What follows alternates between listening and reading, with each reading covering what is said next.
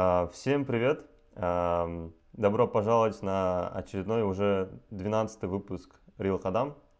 А, сегодня у нас в гостях Алишер Хасанов. А, э, Алишер Хасанов серийный предприниматель, э, родом из Узбекистана, с опытом запуска продуктов в Европе, России, Арабских Эмиратах и Австралии.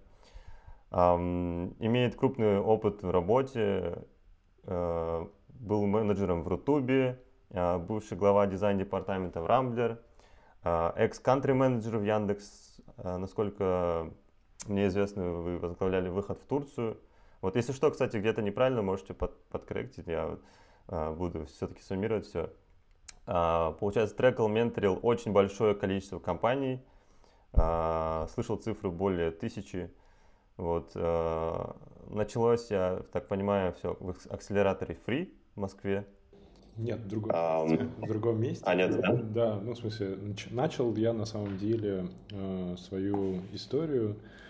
Э, у Яндекса было такое предприятие внутреннее, называлось Яндекс Старт. Оно было, собственно, нацелено на то, чтобы инициировать э, как бы помощь предпринимателям со стороны Яндекса своими технологиями, своими знаниями, навыками, экспертизой в той или иной области. При этом э, предоставлялось место, туда стартапы могли э, использовать это место как коворкинг. И я был одним из э, таких ну, резидентов, э, интерпренеров, которые там тусили. И я параллельно вел свой стартап, делал свой стартап, Потом я банкротился с этим стартапом, но и параллельно я там помогал другим стартапам. Собственно, там я начал, и после того, как там что-то поделал, меня уже потом позвали в, во Фри. А, вот казахстанская именно аудитория Алишер стал, получается, уже известен больше, когда присоединился к команде Google for Startups and Astana Hub, верно? Да, а, приехал первый раз 1 июля в Казахстан и, собственно, приехал, собственно, делать этот акселератор, и я провел два батча. Cool. А, тогда в целом уже а, можем начать с вопроса. Вот давайте начнем тогда с акселератора Free. И, возможно, уже, потому что мы начали про вот этот акселератор, АК акселератор в Яндексе. Можете рассказать в целом, как это было и э, как вам идея пришла э, трекать в целом стартапы? О, э, у меня не было идеи.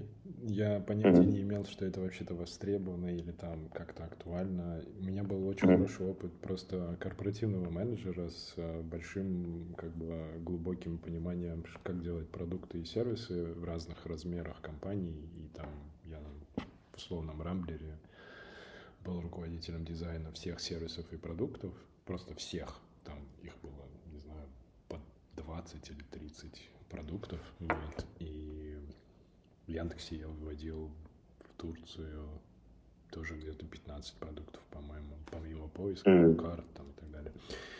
А, и когда у тебя большая насмотренность в создании продуктов а, для разных аудиторий и вообще, в принципе, на больших а, цифрах пользовательской базы, у тебя просто есть ну, знания, которые востребованы для других компаний, которые поменьше, которые только начинают, и у тебя есть уже какие-то компетенции, которыми ты можешь делиться. И я, когда был вот в Яндекс Старте, это называлось Яндекс Старт, я знакомился с предпринимателями, и они вокруг меня вот так вот тусили и все время приходили с вопросами. Я просто в какой-то момент сказал, говорю, давайте придумаем формат какой-то, в котором я хотя бы буду работать, но еще и вам помогать. Просто, а, но не все время, когда там, не знаю, к тебе 10 человек вот так вот вокруг тебя встали и отвлекают от твоей работы. Вот, и мы так начали взаимодействовать, общаться. Я там познакомился с Алимом, я не знаю, насколько вы его знаете, это мой партнер, собственно, с 2014 года, он сам родом из Казахстана. Мы с ним в России делали э, стартап «Где материал?». Это доставка стройматериалов по Москве, потом мы стали двигаться там, на Урал, там, по, по России, в разные города, регионы. Это как венчурный инвестор, да, кажется?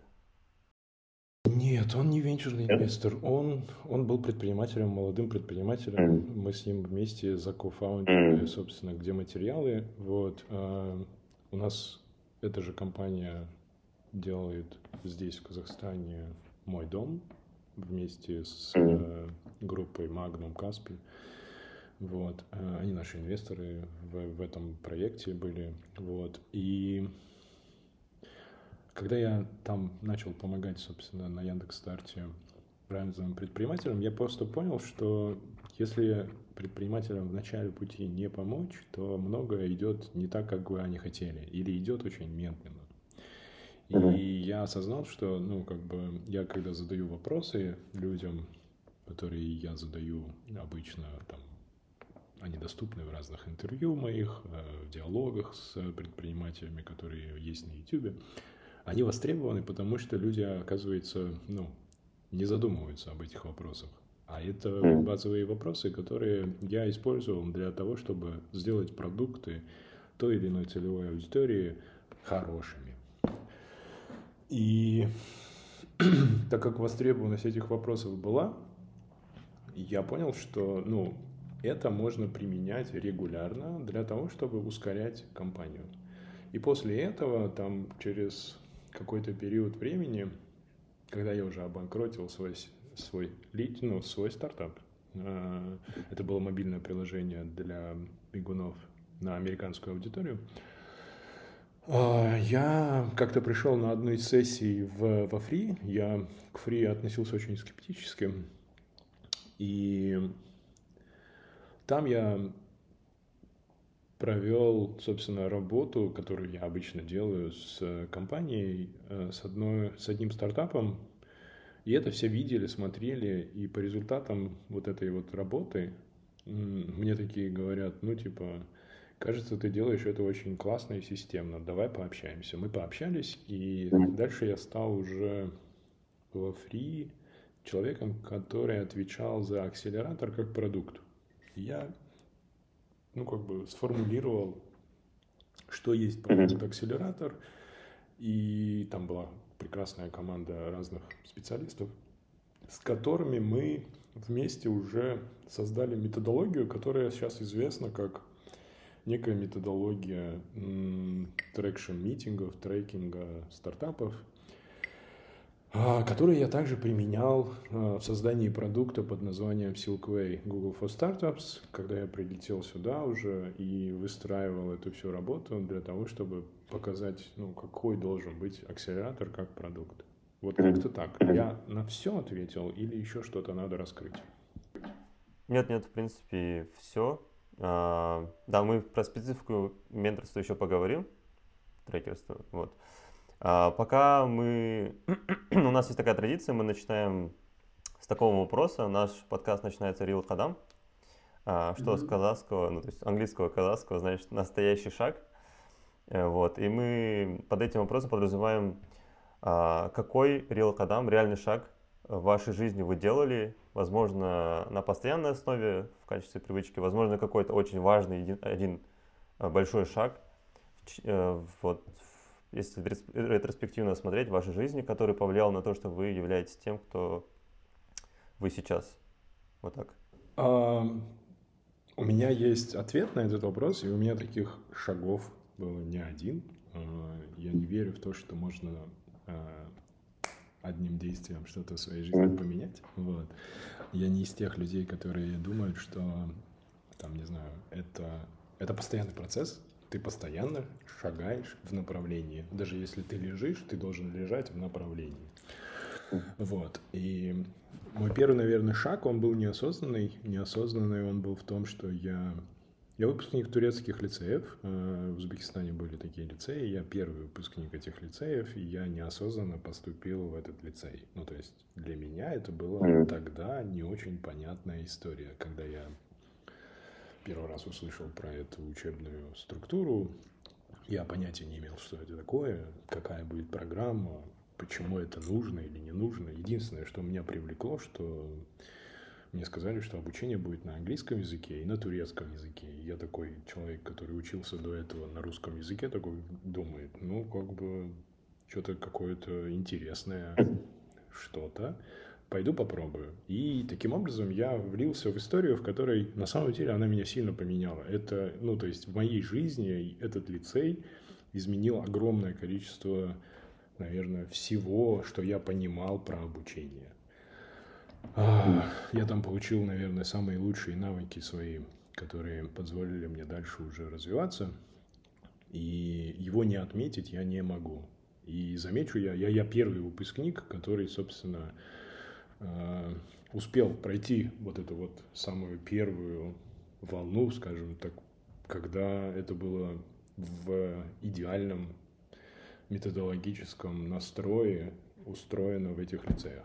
Потом их закрыли, но неважно. Вот. И второе, наверное, это было поступление в турецкий университет, где я примерно через месяц понял, что я сделал самую большую свою ошибку в жизни. Я попал на факультет, в котором я не хочу учиться. И я внезапно осознал, что э, это не то, что я хочу всю жизнь делать. Я в этот момент пошел программировать, Э, когда я написал свой первый код, мне мой преподаватель сказал, говорит, ну, неплохо, но ты явно не будешь лучшим программистом в своей жизни. После этой обратной связи я, ну, как бы, у меня к IT влечение было, продолжалось внутренне. Я хотел разбираться во всем, что связано с интернетом. Я в это время, как раз-таки в 97 году познакомился первый раз. Я вышел в интернет, в смысле, да, вот открыл браузер и так набрал какой-то адрес. Я уже сейчас не помню, который из. Это был либо Hotmail, либо Excite какой-нибудь, Altavista, что-то в этом роде. Вот. И понял, что это то, куда мне хотелось бы вот прям прыгнуть. Я не знал, как это сделать, я понятия не имел, как туда вообще, в принципе, ну, как, как делаются сайты, вот это вот все. Я начал это все изучать, параллельно изучая на самом деле скучную историю финансов, бухгалтерии, аккаунтинг, э, макроэкономии, вот это вот все. А, мне хотелось блевать, но мне интерес был все время в информатике, в IT. И это вот, наверное, второй такой был мой личный шаг, который я сделал внутренне, там, осознавая. Я не знаю, как я понял, почему мне там надо быть, почему мне нужно уделить внимание IT-технологии. Вот что-то мне подсказало, что это будущее, и я хочу быть в этом будущем. А потом я вернулся в Узбекистан, в Ташкент. Э, это был 99 год. Я попал на факультет кибернетики. А, кибернетика далека от IT, но тоже со своими приколами, связанными с пониманием того, как работают организации, производственные процессы. Там можно было что-то изучать, связанное с этим. И через какое-то время э, я понял, что я учиться не могу. Я принял другое решение. Я бросил университет и стал работать. Эм, это было 4 года стартапов собственных. Они все неуспешные. Они все были в строительстве.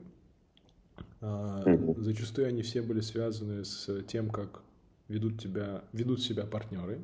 А, меня кидали во всех случаях в том или ином виде. Э, но это было очень классно. Почему? Потому что я обычно всегда говорю, что после того, как ты поработал в реальном секторе в виде строительства, проектирования, раз, разобрался реальных объектов, проектировать веб-сайты это вообще смешная история. Это, ну, как бы, там, типа, когда ты проектируешь на real сайте и проектируешь какую-то веб-страничку на какой-то бумажке или там на каком-то мониторе, это две разные проблемы и истории, потому что когда ты на реальном объекте привозишь стекло, и оно у тебя на глазах просто рассыпается, вот просто в дребезги, ты понимаешь, что такое реальность, и понимаешь, что вот только что ты потерял там, не знаю, столько-то часов процессов, столько-то денег, там надо еще заново что-то делать. И после таких ошибок тебе в вебе ошибки кажутся дешевыми, потому что итерации, они там очень быстрые. Ну, там, типа, загрузилась страничка, ой, говно получилось, давай сейчас переделаем быстренько, вот, вот, и все такое. И никому не больно от этого, никто за это не платит. Ну, как бы, ты учишься очень быстро. Соответственно, поработав в реальности и потом вот в эту такую условную мета вселенную в виде интернета, когда ты перешел, тебя итерации стали быстрее, и это, наверное, такой, ну, момент, когда я понял, что эксперименты бывают очень разные. Они бывают дорогими, больными, а бывают дешевыми. И вот дешевые эксперименты меня почему-то привлекли. И я прям фанат дешевых экспериментов, когда можно из говна, из палки сделать что-нибудь классное, попробовать, посмотреть. Если не получилось, переделать и пойти заново делать. Вот. Mm-hmm. Потом, наверное, следующий шаг был убежать из Узбекистана. Mm-hmm. А, убежать почему? Потому что я был невыездным. Я из-за того, что учился в Турции, у меня был запрет на выезд из Узбекистана. У меня был местный паспорт, я мог улететь в две страны, Казахстан и, и Россию. А, Казахстан тогда меня не очень привлекал. Я улетел в Россию, и я улетел туда, ну, не зная никого, ничего не зная, ничего, ничего не понимая, куда я лечу, что там будет. Я никогда там не был в Москве и так далее. И это был прям такой для меня очень больной шаг. Я четыре года шел к тому, чтобы получить паспорт. Я получил паспорт, гражданство, и моя жизнь чуть-чуть стала лучше.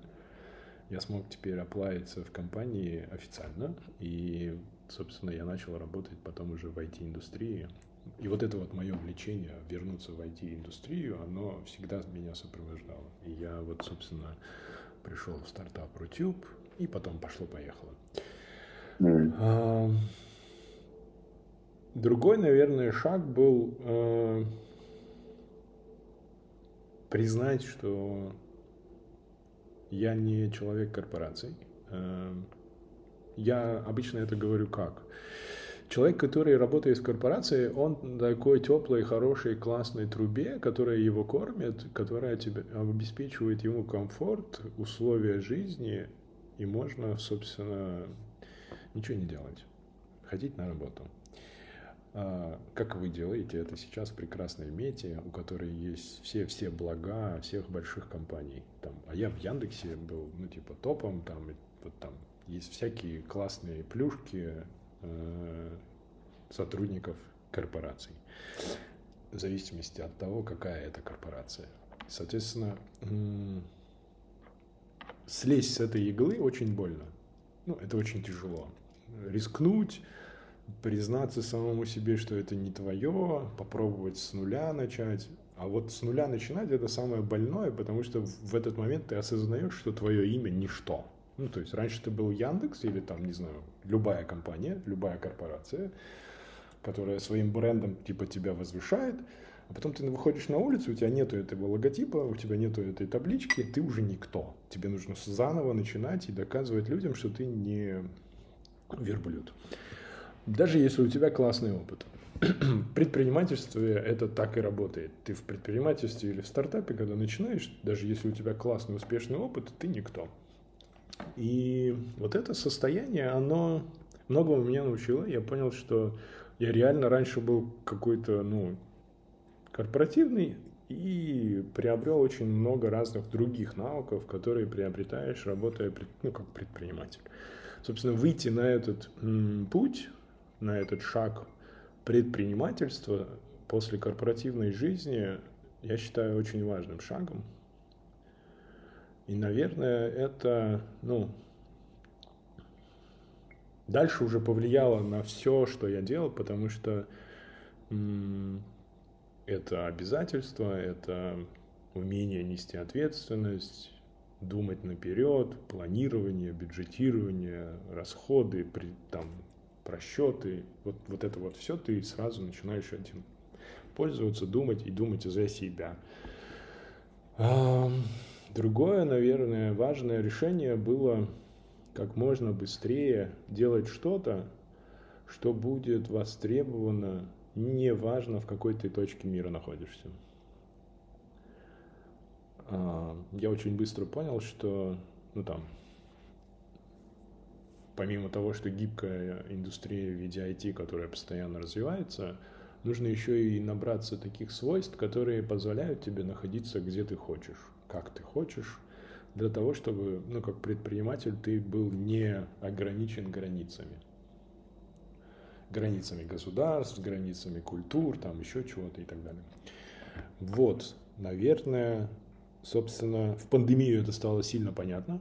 Прям всем понятно, что ты, типа, либо ты готов, либо ты мертвый. Вот. А потом случилась война в России, и моя вот эта вот подготовка к жизни без границ, она дала мне ну, максимум преимуществ. Я, собственно, встал и вышел. А у меня уже бизнесы там в Дубае, еще где-то, вот, ну, как бы там на американском рынке. И вот эта гибкость предпринимательства и умение перестраиваться на ходу, наверное, это важный такой навык, шаг, который я сделал. Думаю, вот, вот, вот, вот как-то так, если описывать на ваш вопрос-ответ. Не знаю, насколько длинно получилось или понятно. А, правильно, правильно я понял. А, классно сказали, классно вы сказали. Правильно ли я понял то, что когда вот случилась война, а, вы сказали, что вы были уже независимы, у вас была предпринимательская независимость, что когда случилась война, вы, по сути, ничего не потеряли, вы просто сменили свою локацию и... Я потерял огромное количество всего. Я потерял, я потерял дом, я потерял бизнес. Ну, то есть э, бизнес, который я строил 8 лет, стал ноль. Это когда я говорю, что я встал и вышел, я просто принял решение. Я взял на себя эти убытки, я взял на себя эти потери, я взял на себя вот, ну, как бы, согласился с тем, что окей, ну, как бы, да, факт случился, но надо двигаться дальше. Угу. Это, наверное, не, еще повлияло... Не потому, что все гладко было. Угу. Тут скорее про мышление, что гибкость, гибкости, да, что если у вас получилось один раз это сделать, то, скорее всего, я сейчас куда-то приду, я разберусь, я сделаю заново, если надо будет. Да? Да, ну представь, что ты стоишь, не знаю, э, у открытой двери несущегося самолета, и тебе надо принять решение. Самолет летит вниз. Либо ты прыгаешь и как бы отсоединяешься от этого самолета, либо ты вместе с ним сейчас летишь и как бы несешь эти потери. Ну, я отсоединился. Очень много э, историй, которые вы описали. Одну вещь, которую я заметил, везде вы э, как будто выходите с э, золотой иглы э, в виде корпорации, потом э, игла э, России. Э, и я бы хотел вернуться на тему именно корпорации. Uh, немного бэкграунд расскажу для наших слушателей, для Садама и Галма. Я Алишера встретил uh, первый раз летом, и у нас разговор в основном был uh, ориентирован насчет того, что вот в корпорации есть золотая игла, и если ты хочешь начать делать что-то, ну, лучше начинать делать что-то раньше, нежели позже, так как золотая игла может тебя проглотить. Э, но посмотрев ваш опыт после этого, э, изучив ваш э, LinkedIn, я задался таким вопросом. Вы очень долго работали в большой корпорации. Очень долго. Ну, лет как минимум 10 в Рутюбе, далее в Яндексе. Насколько вы жалеете то, что вы, вы работали в большой корпорации, так как в начале, когда вы описывали ваш опыт в, э, как трекера, как э, наставника стартапов, именно ваш опыт э, в больших корпорациях и понимание, как развивать продукты, как будто был именно тем фактором, который отличил вас от других людей. Можно ли тогда говорить то, что опыт в корпорациях, он не нужен, либо э, можно как-то взять от корпорации что-то такое, чтобы далее э, выйти и, и создать что-то свое? А, я буду говорить за себя, я не буду говорить за всех. А, я считаю, что мой опыт в корпорациях уникальный, и без него, конечно же, многого бы не случилось, потому что я там приобрел очень много разных навыков и понимания того, как делать маленькие компании громадными. Потому что я был в больших организмах, и я знаю, как они себя ведут. И работая в большом организме в виде компа- компании, взаимодействие с другими организмами, компаниями, я понимал, как ну, строятся эти взаимодействия, что такое win-win солюшены и так далее, и так далее. То есть мой опыт на самом деле позволил э, сэкономить огромное количество жизней другим предпринимателям, просто потому что я принес за собой багаж, который был дорогой, моей жизнью оплачен, моим опытом оплачен я это все привнес в, компани- э, в компании, с которыми я работал. Они получили его, ну, потому что я за это заплатил своей жизнью.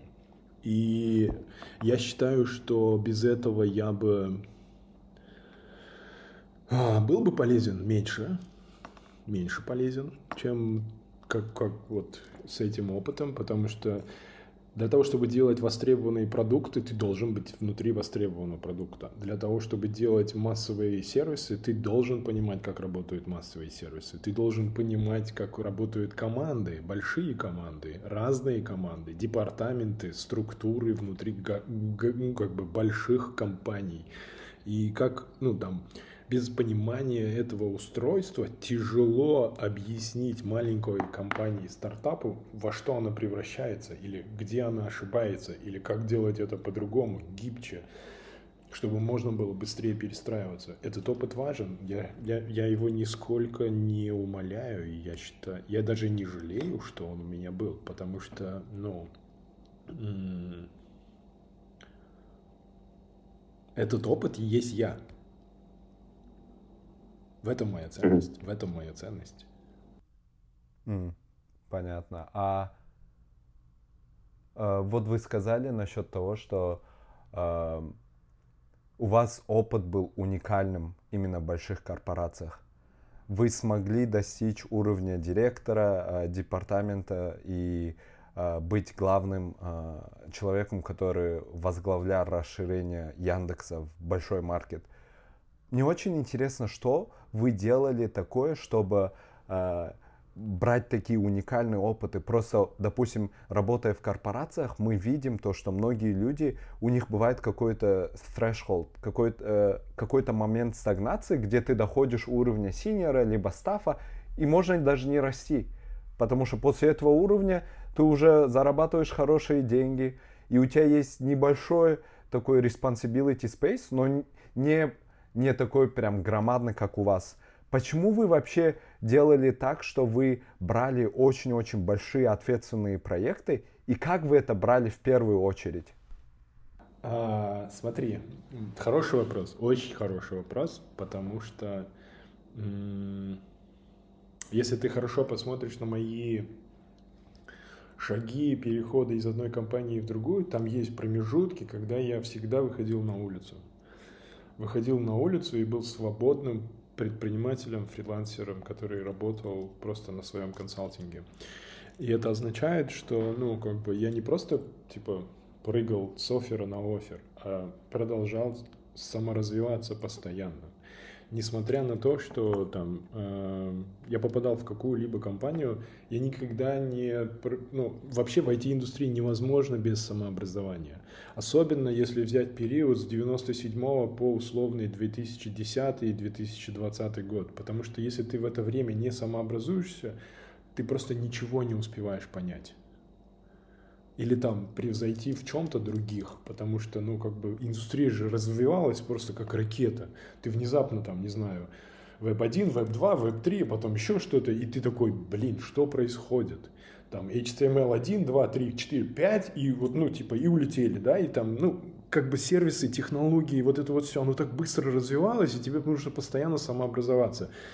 И я к чему это все говорю? К тому, что э, я очень четко себе задаю вопрос, зачем я куда-то иду.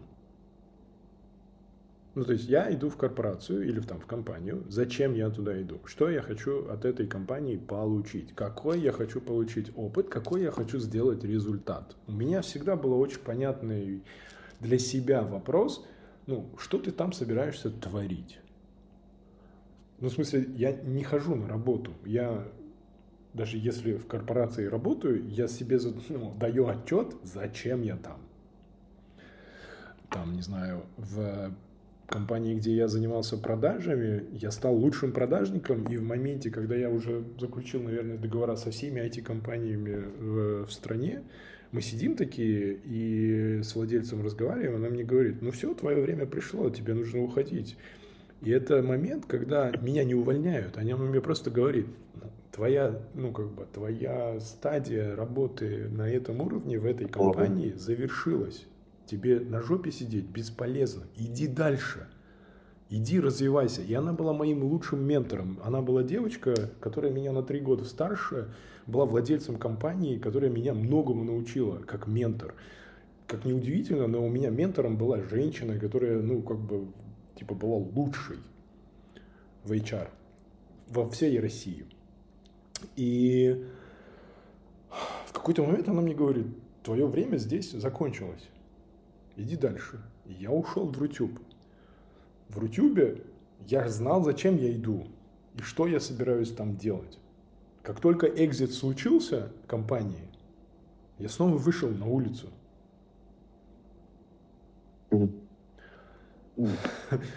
Дальше меня эти же, ну как бы из-за того, что я хорошо делаю свою работу, люди из рынка звали, например, в Рамблер, говорили, бля, у нас здесь жопа происходит, нам нужен чувак, как ты, давай, помоги нам.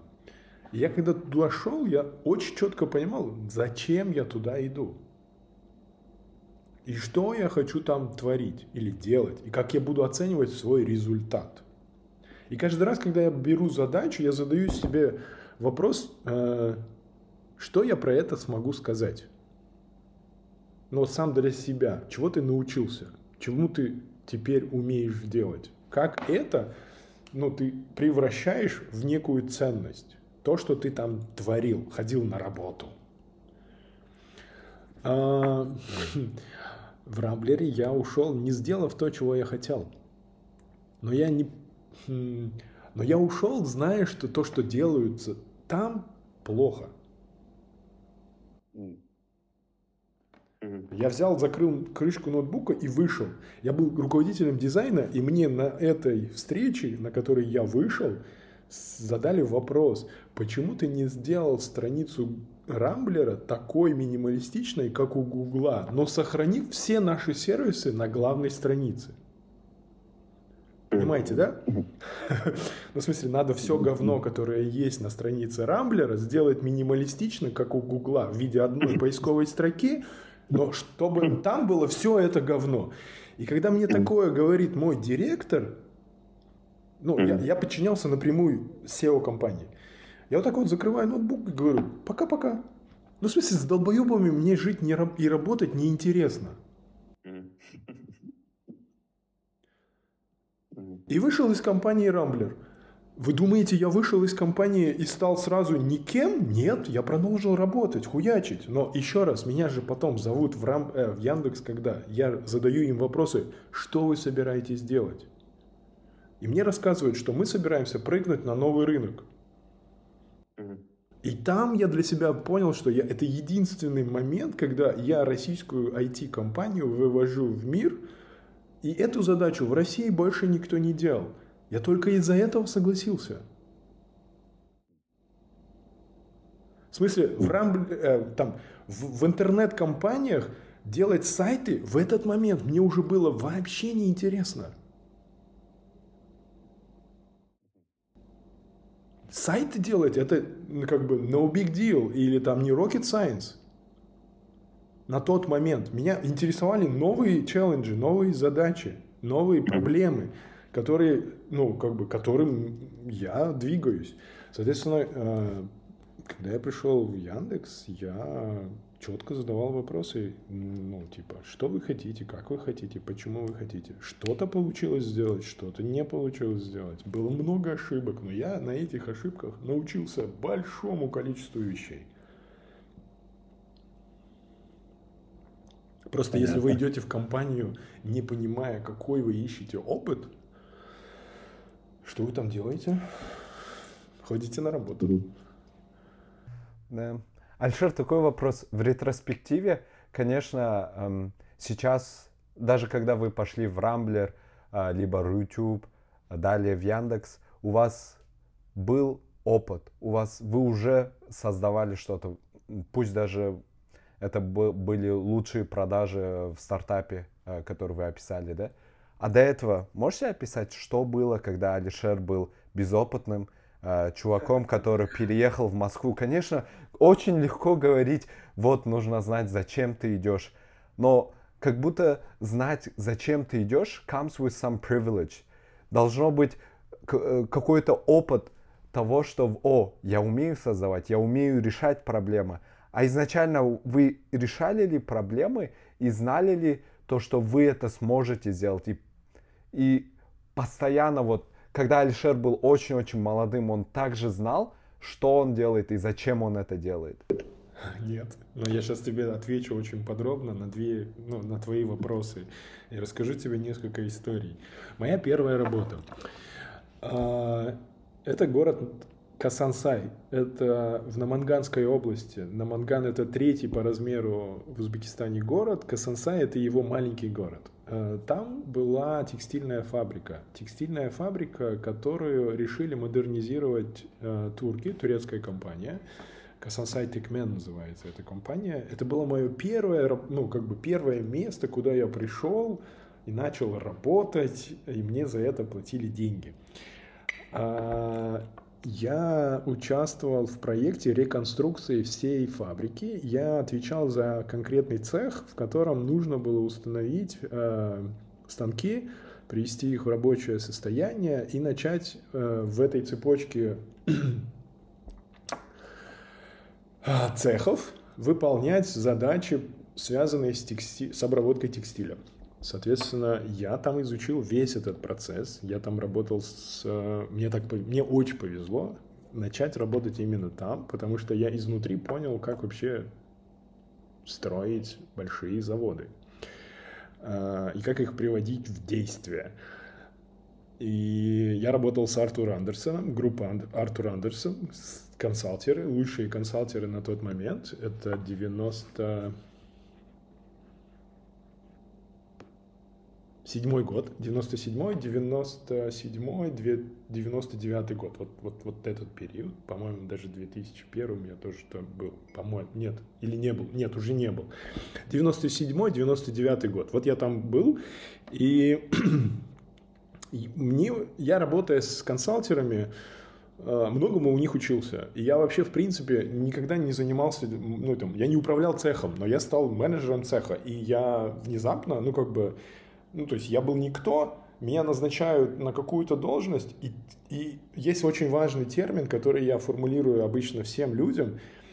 А, должность иногда может быть больше, чем ты. Твоя задача выйти на уровень этой должности. Ты можешь не дотягивать до этой должности, но ты должен себя развить и прийти в это состояние. Либо она тебя победит, и ты не справишься и зафейлишься, либо ты ее превзойдешь. И когда тебе дают амбициозную задачу, есть шанс, что ты вырастешь. А я очень хотел вырасти. И я понимал, что я не дотягиваю до, этой, до этого уровня, но я делал все, чтобы стать лучшим руководителем цеха. И когда ты не знаешь, как это делать, ты не боишься. Потому что все равно будет хуйня. В смысле, ты будешь делать много ошибок. Ты ж понятия не имеешь, что ты делаешь. ты просто в неопределенности. Тебе сказали, иди сделай так, чтобы этот цех заработал. Я такой, ебать, чё? А, а мне тогда 90 какой год? Седьмой. Мне 25 лет, что ли? Или сколько? Да, по-моему, столько. А как вы такую должность вообще получили в первую очередь? О, Просто- слушай, слушай, смотри, турецкая компания, у них нету людей, которые могли бы с ними работать и что-то делать. Ну, то есть у них проблема, Турецкого. у них проблема языка. Они не могут найти людей, которые вообще что-то способны получить в виде задачи и сделать. Ну, то есть I was so fucking lucky enough. Я знал английский и знал турецкий. С одной стороны, англич... ну, американцы и прочие люди, которые говорят по-английски, Артур Андерсон консалтинг. С другой стороны, владельцы турки, которым нужно что-то сделать. А у меня монтажем, монтажом занимаются итальянцы, поляки, чехи, а, блядь, еще какие-то там люди. Ну, то есть все на разных языках разговаривают, и тебе нужно решать проблему. Всегда. У тебя, ну, вокруг тебя одни иностранцы. Поэтому, если ты хоть немного язык знаешь, ты уже good enough.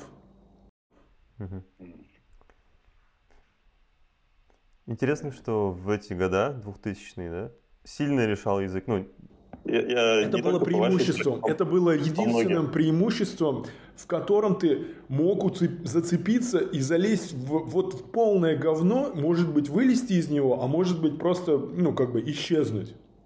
А какой навык сейчас такой же? Если ты имеешь, он тебе дает такой большой unfair advantage. Unfair advantage, uh, Мгм. Chinese and programming. Но программинг как будто все уже знают. No.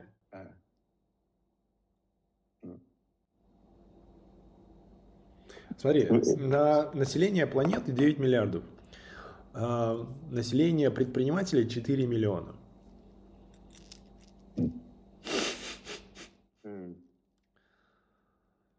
Понятно.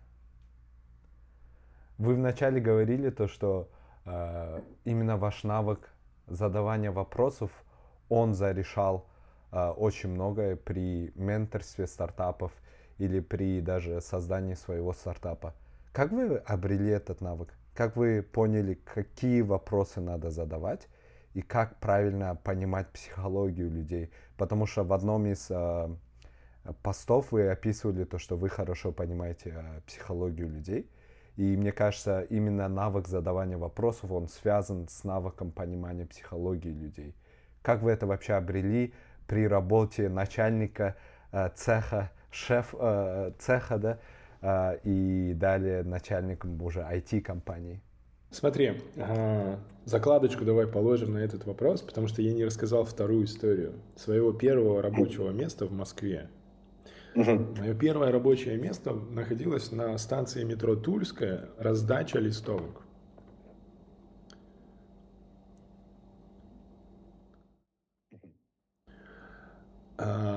Это был магазин, а, как это называется? Second-hand одежды, в смысле БУ одежды, которую создали казахи в Москве. И я раздавал их листовки на улице зимой. Э, Потом я был грузчиком в этом магазине. Я просто разгружал фуры.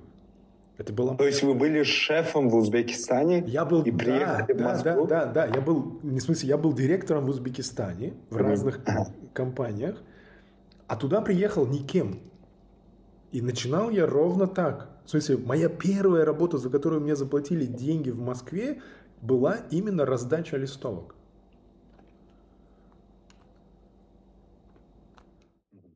Смысле, я был гастарбайтером с узбекским паспортом, у меня не было возможности нигде трудоустроиться, и я начинал именно так.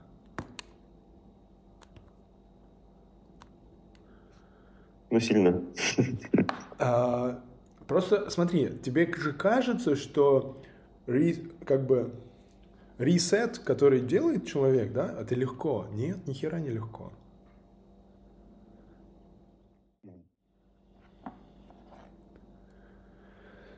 А, я, я очень легко рассказал, например, как я встал и вышел из России в 2022 году. Но на самом деле это было вообще нелегко, ребят. Да. Потому что, смотрите, в моей жизни ресетов было очень много.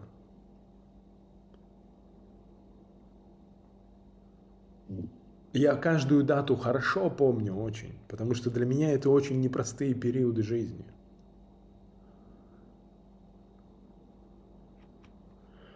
И я действительно задаю себе вопрос, зачем я это делаю? Какая у меня цель? Когда я летел в Россию, я знал, зачем я лечу. И, и, и у меня была цель не быть каким-то посредственным человеком. В смысле, амбиции у меня были нормальные.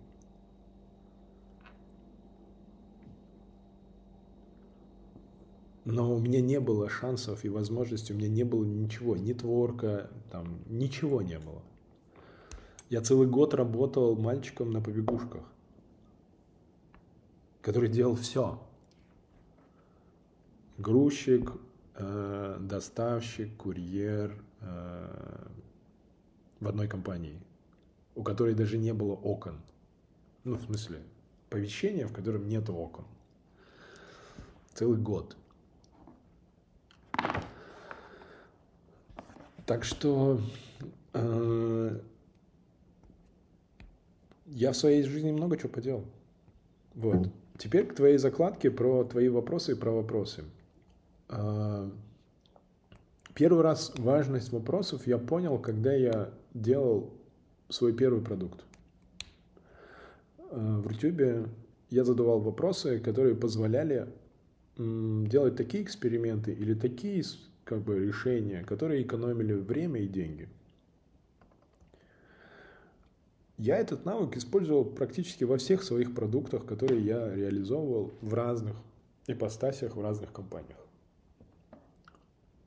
И то, что это востребовано в предпринимательстве, я понял как раз-таки в, Я- Яндекс Старте. И я примерно полгода адаптировал свои вопросы. Адаптировал свои вопросы а, уже на площадке Free. В смысле, э, в акселераторе. Потому что путь поиска правильной формы подачи вопроса был непростой. Многие не понимали уровня, с которого я задаю вопросы. И их нужно было упрощать, переформулировать, делать более понятными и так далее. Зачастую люди просто не понимают, что умение задать вопрос – половина решения. И когда я задаю вопрос, я на самом деле же, ну, как бы практически решаю задачу, которая стоит сложнее, ну, она выглядит сложнее для предпринимателя. И я должен сделать так, чтобы его понимание вышло на новый уровень, но при этом делаю это через вопросы. То есть вы убираете ambiguity, да, по сути?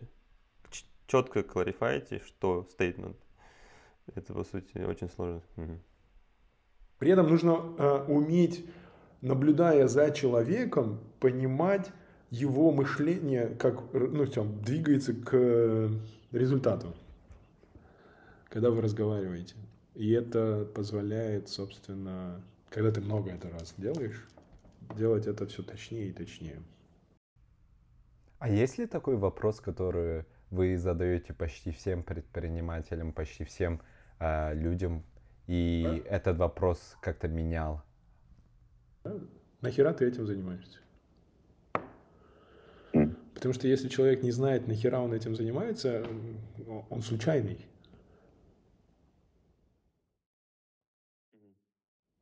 В смысле, если человек реально не знает, зачем он что-то делает, зачем он, ну, он реально, зачем он это делает?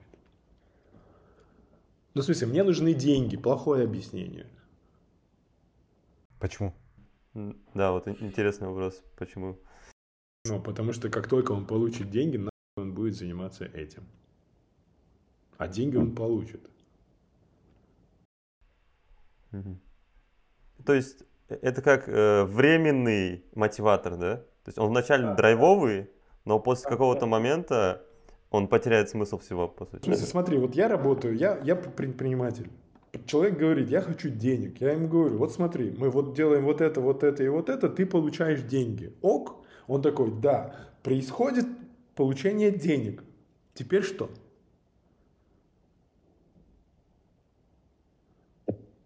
Он говорит, я пошел домой. Я говорю, а нахуй ты мне нужен такой?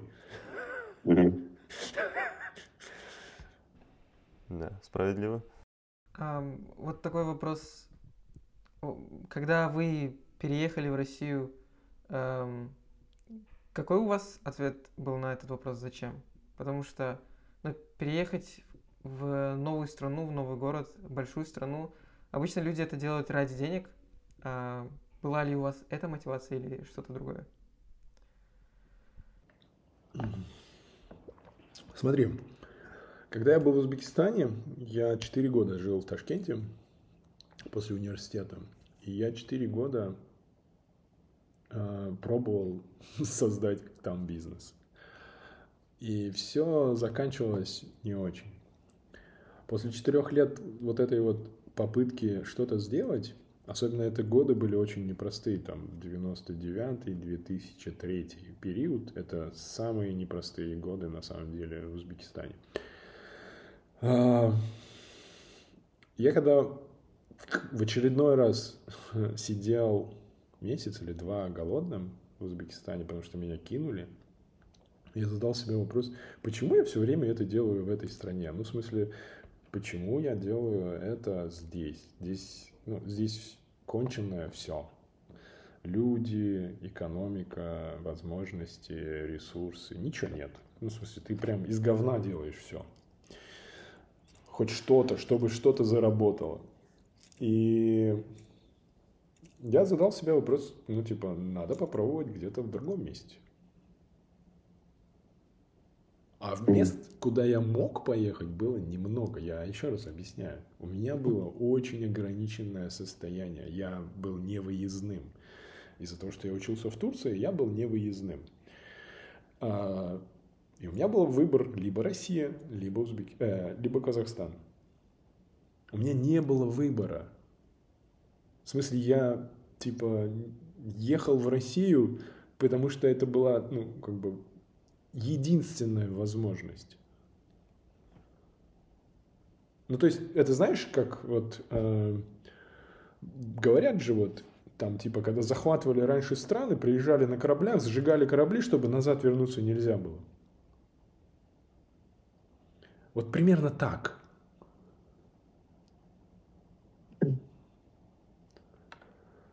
Ты либо мертвый, либо ты выплываешь. И это не про деньги вообще, а про смысл жизни. В смысле, потому что, ну, типа, существовать мне неинтересно. У меня были амбиции. Я хотел в IT работать. Алишер, а вы нашли смысл жизни? В чем смысл жизни сейчас для вас? А, хороший вопрос. Я считаю, что мой смысл жизни в том, что я меняю людей вокруг себя, меняю людей вокруг себя, меняю их компании, меняю людей в этой компании, меняю индустрию, в которой работает эта компания, а индустрия влияет на нацию, на государство. И тогда государство тоже меняется. То есть ваш смысл жизни связан с вашей работой? Да? Т- Так и должно быть, да, наверное? Как? Я не знаю, кому должно, это мой. Э, в плане- Это мой подход, я не знаю, как другим. Да-да-да. В плане, если смотреть на бизнесмена, имею в виду на предпринимателя, с вашей точки зрения, должна ли его жизнь крутиться полностью вокруг этого бизнеса? А, Я не знаю, должна или нет. В смысле, смотри, слово «должен» очень плохое в плане э, описания ага. того, почему люди выбирают что-то делать. У людей очень по-разному может внутри зудеть. Вот у меня зудит, когда я вижу, что человек не меняется. Мне очень плохо, когда я прожил день, и я вокруг ничего не поменял.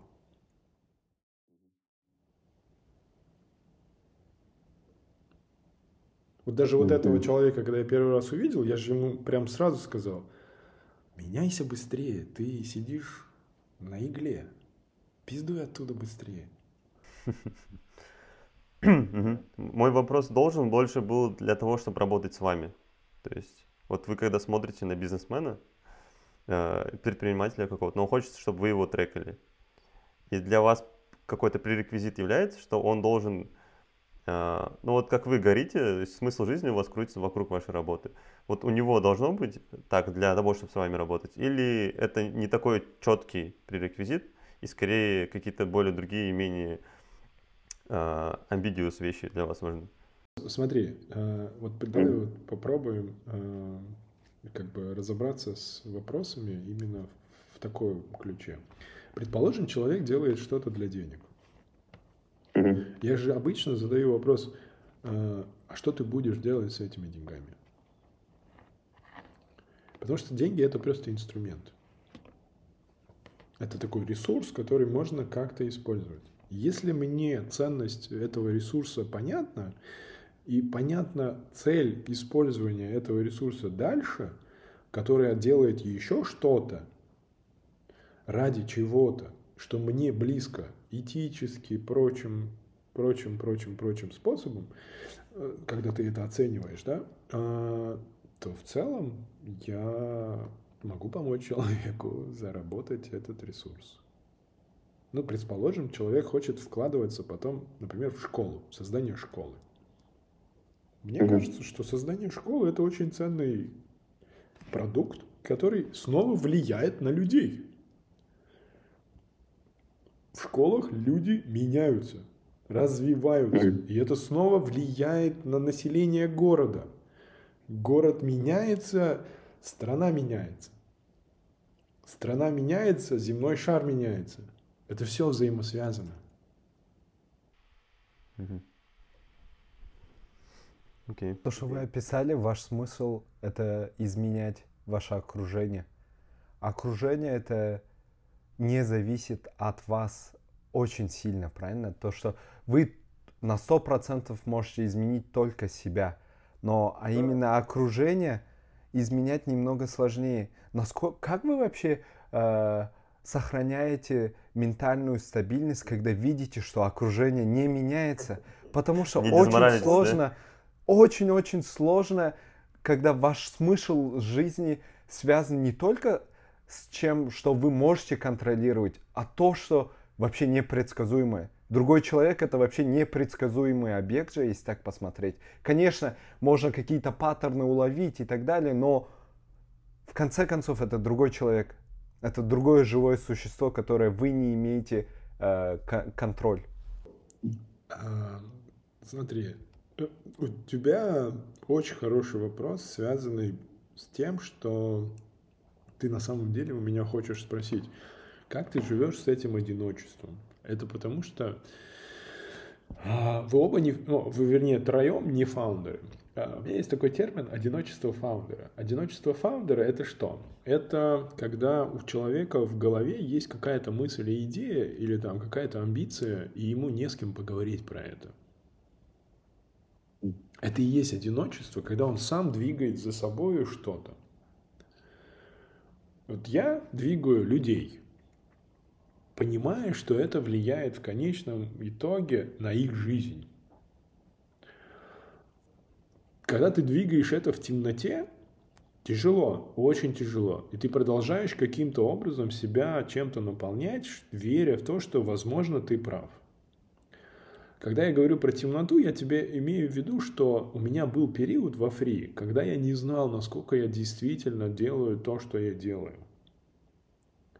Но я терпеливо ждал много лет. И у меня есть очень много примеров, как поменялись компании и люди. В огромном количестве.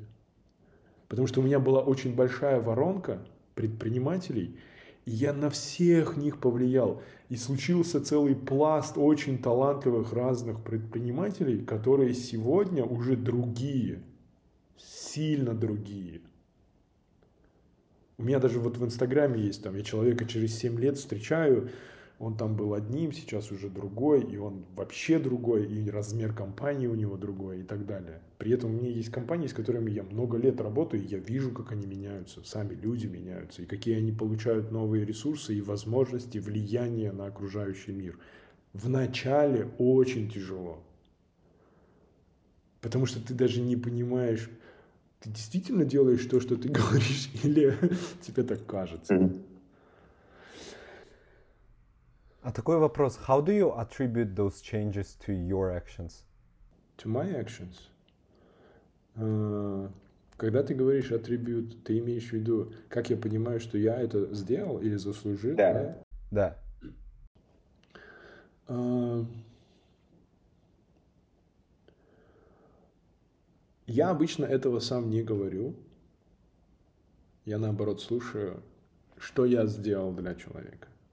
И, лучший ответ обычно, когда человек сам рассказывает и приходит. Я их иногда просто спрашиваю, скажи мне, как ты? И он мне приходит и рассказывает. И вот это ценнее, чем я думаю.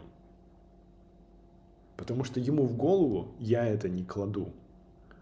Он сам подумал, оценил вклад и произнес. Я как-нибудь выложу в интернет огромное количество роликов от предпринимателей – которые что-то про меня говорят. Я как-то попросил их по минуте две рассказать что-нибудь. И у меня есть записи этих людей. Я их не заставлял. Я просто сказал, расскажи мне, что ты думаешь про меня, про мое действие в твоем бизнесе, в твоем опыте и так далее.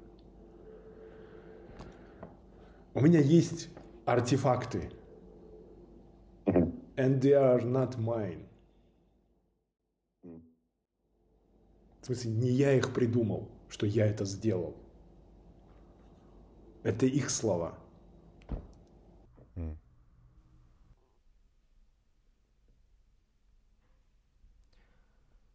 А, вот такой вопрос. Вы говорите про предпринимателей, которым вы помогли. А какие вещи вообще вас привлекают в стартапах или предпринимателях? Какими вещами вообще можно вас привлечь, а, быть трекером или ментором?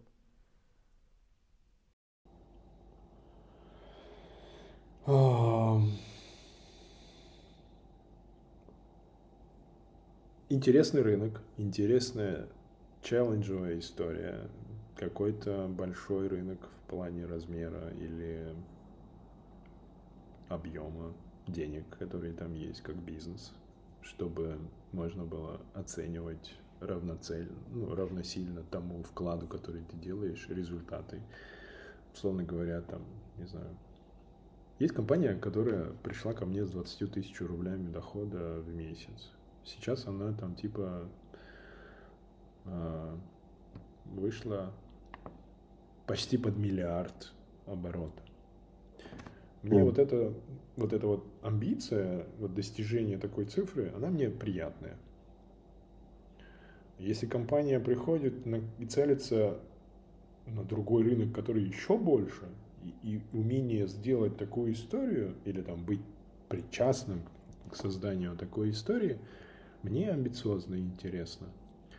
Это если говорить про язык предпринимателей, в котором объемы результатов в деньгах понятны абсолютно всем. Ну, то есть тут не поспоришь.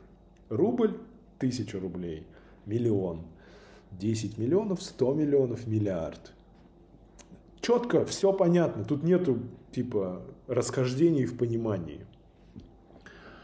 Это первое. Второе, э, я иногда могу даже делать такие вещи, которые мне просто нравятся, потому что я считаю, что это правильно. Например, там, я помогал в России нескольким тех стартапам, просто потому что тех это сложно, э, там сложно с деньгами, с бизнесом, построением бизнеса.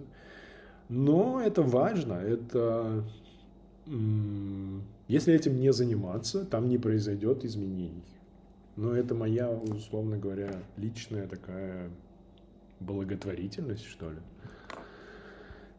я могу туда инвестировать свое время в это, ну, в эту задачу, в это направление.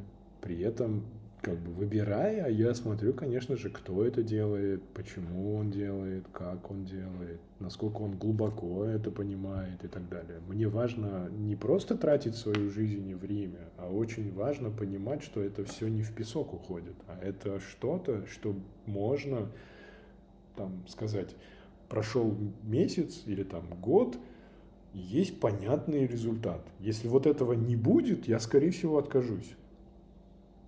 Я скажу, ну, как-то не очень мне это интересно. Идите сами занимайтесь своим песочком и ковыряйтесь в этой песочнице. Ну, то есть настрой человека, желания человека, амбиции человека мне важны. Мгм. А если говорить с другой стороны, какие red flags для вас при работе с э, каким-то предпринимателем? Э, Вот одно вы говорили уже, что если он хочет только денег, да? Окей. Что, что еще для вас? Вот? А, Если он не хочет денег. Ну, в смысле, это red flag. Предприниматель, который не хочет денег, это red flag.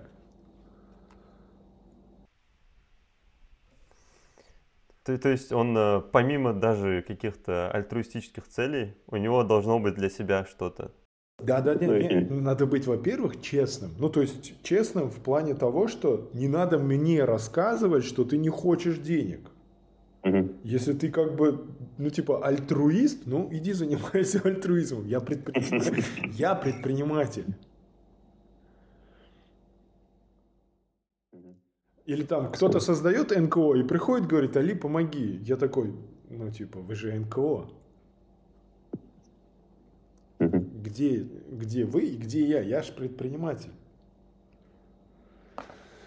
Вот. А, но если НКО, которое там насвязано, на- на- нацелено на детей, там, на обучение, я подумаю. Но red флаги обычно же про, ну, типа, отсутствие какого-то принципа у человека. У меня есть принципы, ну, как бы, которые мне близки. Вот. А, Есть принципы, которые ну, важны в предпринимательстве. Если человек, ну, есть люди, например, у которых плохо с э, эмпатией. И он занимается, например, каким-нибудь бизнесом, в котором человек является ключевым.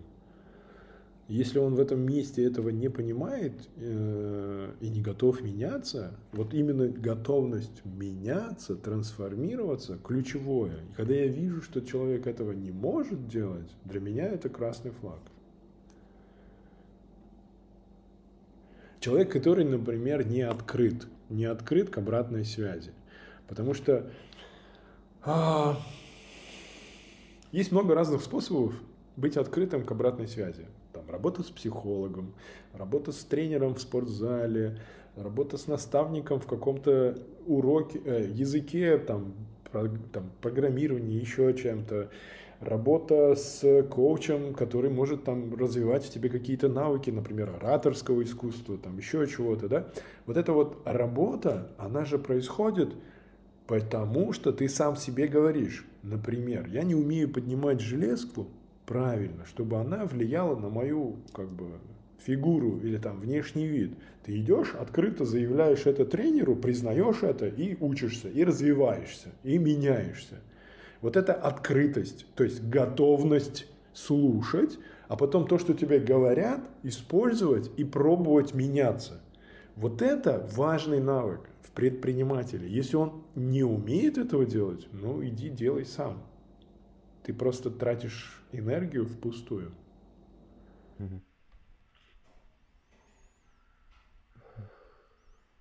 Вот еще интересный вопрос. А, Допустим, человек хочет начать бизнес. А, Важно ли, есть ли какие-то пререквизиты э, с, вашей точки зрения для того, чтобы начинать бизнес? Или, то есть, нужно ли какие-то иметь скиллы, чтобы начать? Или скиллы можно на ходу накачать? Вот ты начинаешь бизнес, и ты вот э, уже на ходу разберусь, типа. Как, как, как вы, с вашей точки зрения? Я сейчас двумя примерами отвечу. Первый пример. У меня есть партнер Леня э, в Дубае. У него дочь 9 лет. Она делает э, всякие фенечки, там браслетики, всякие там кулончики разные из э, бус и так далее. Выходит на улицу и на прилавке продает. И у нее там маржинальность, по-моему, 60 или 70 процентов. А, девочке 9 лет. Оборот там, конечно, не гигантский, но еще раз, ей 9 лет, ничего не умеет, как бы, да, но умеет. Слушает своего папу с точки зрения вопросов и ответов, планирует свое производство, выходит на улицу и делает продажи. Это предприниматель. Ему просто 9 лет. Предпринимательство может существовать в любом возрасте. У меня был предприниматель, который абсолютно не понимал, что такое управление. Google Spreadsheets не знал, что такое. Но был топовым игроком World of Warcraft. И он создал компанию, которая занималась э, обслуживанием виртуального мира с точки зрения предоставления рабочих мест профессиональным игрокам. И вообще людям, которые хотят в играх зарабатывать. И мы построили эту компанию, они начали с 50 тысяч рублей, сейчас у них оборот, по-моему, 700 тысяч долларов в месяц. Я не помню точно сейчас, да, ну, ну короче, под миллион точно есть. У них американский рынок, там по всему миру игроки и вот это вот все. А, там я их вырастил, да. И этот парень не умел пользоваться спред-счетами. И мне пофигу, что он не умеет делать спред-счеты. Это все типа no big deal. Сейчас он умеет много чего делать. Но вначале важно иметь что-то, такое, что позволяет сделать первый шаг и превратить это в продажу. Все остальное научиться можно, если есть внутреннее желание развиваться. Вот это вот открытость. Угу. То есть, если опыт и скиллы есть, хорошо, но если нет, делай и придет. Ну, как бы... Вообще, есть другой тезис, очень важный. А, все классные истории в мире произошли и происходят, когда тем или иным вопросом занимаются абсолютные amateur, которые понятия не имеют, как устроено на самом деле. Из-за того, что они понятия не имеют, как это устроено на самом деле – из-за их внутреннего любопытства и желания разобраться и сделать, они не делают это по правилам и законам. Они делают это, как они это видят и понимают. И из-за того, что они amateur, они это делают обычно лучше, чем профи. Но смотрите, Илон Маск, он никогда не был ракетостроителем.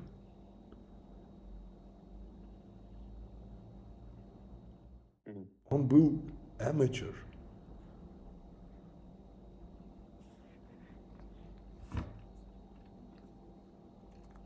Стив Джобс. Вы думаете, он был гениальным, э, не знаю, продукт дизайн? Нет. Он был как бы просто талантливый аматер, который их еще тогда называли хоббист. Они были, ну, как бы люди, которые занимались неким хобби. Они собирали компьютеры, там, что-то делали, ковыряли, припаивали и так далее, и так далее.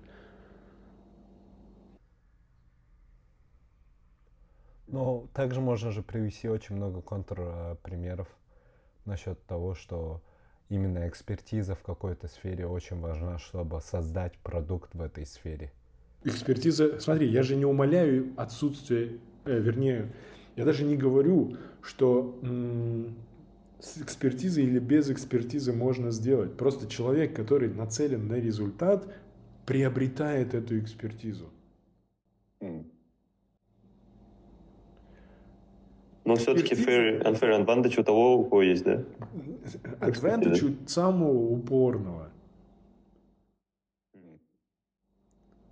Advantage, как бы именно unfair advantage у того, кто сфокусирован больше. Потому что любую экспертизу можно приобрести. У нее есть стоимость во времени и деньгах. Покажите мне в мире экспертизу, которую нельзя приобрести. Все можно приобрести.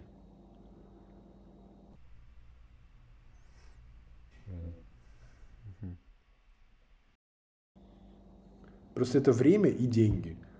Ну, например, там сейчас, условно говоря, возьмите Китай, который никогда не производил машины, да, и уже сколько-то лет производит машины, да и которые еще и продаются по всему миру, там, в разных странах. Они ее приобрели. У них не было этой экспертизы. Да. Внутренний голод и драйв. Конечно, конечно. Просто фокус нацеленный на результат. Ну, типа, мы херово делаем машины, но мы будем делать эти машины. Мы будем их делать, делать, делать, делать, и в какой-то момент ты смотришь, вокруг тебя больше никого не осталось. Ты самый лучший, кто делает это в мире.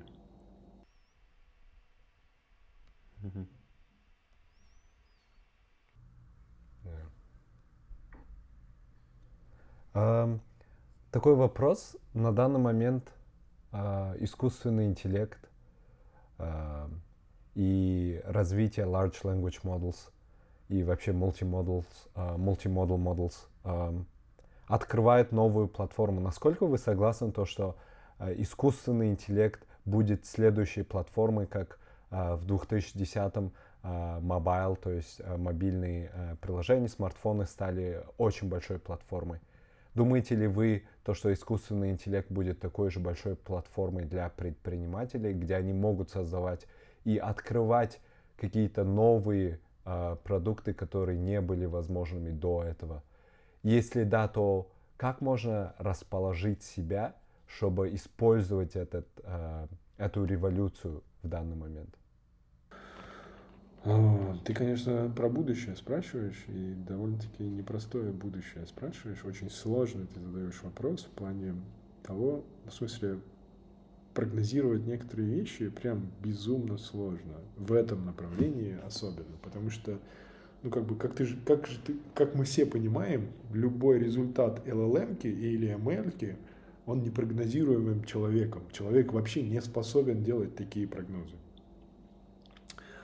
А, и будет ли это платформа или еще какая-то форма, ну, я, конечно, могу, ну, как бы, в воздух что-то сказать, но это будет полная херня. Я ну, мало в это верю. Я знаю только вот что.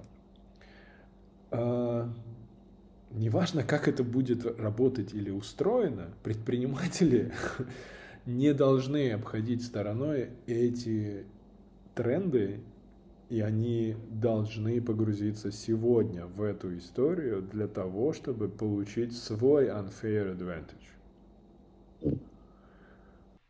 То есть заранее надо брать какой-то экспертизы на случай. Да, да, да. При этом, ну, человек, несмотря на то, что в мире происходит много разных историй, его нейронка обучается на именно том, как он пробует использовать разные инструменты или способы, да, которые появляются. Там кто-то пробовал ICO, там потом биткоины, там, не знаю, крипто, NFT, бла-бла-бла, веб-3, вот это вот все там, да. Чем больше ты пробуешь, тем больше ты получаешь и узнаешь. Но еще раз, важно понимать свой фокус как предприниматель. Вот эта вот вся технология кому-то будет доступна, кому-то она будет недоступна. Кто-то первым попробует и что-то получит, а кто-то никогда уже больше туда не сможет запрыгнуть. То есть для вас это zero-sum game. Либо ты выигрываешь, либо ты не выигрываешь. А почему? Что почему? Что почему? А почему ты либо победитель, либо никто? А, в данной, смотри, в использовании этого продукта ты можешь быть никто. И шанс очень высокий. Ну, потому что, смотри, привилегии у определенного круга компаний.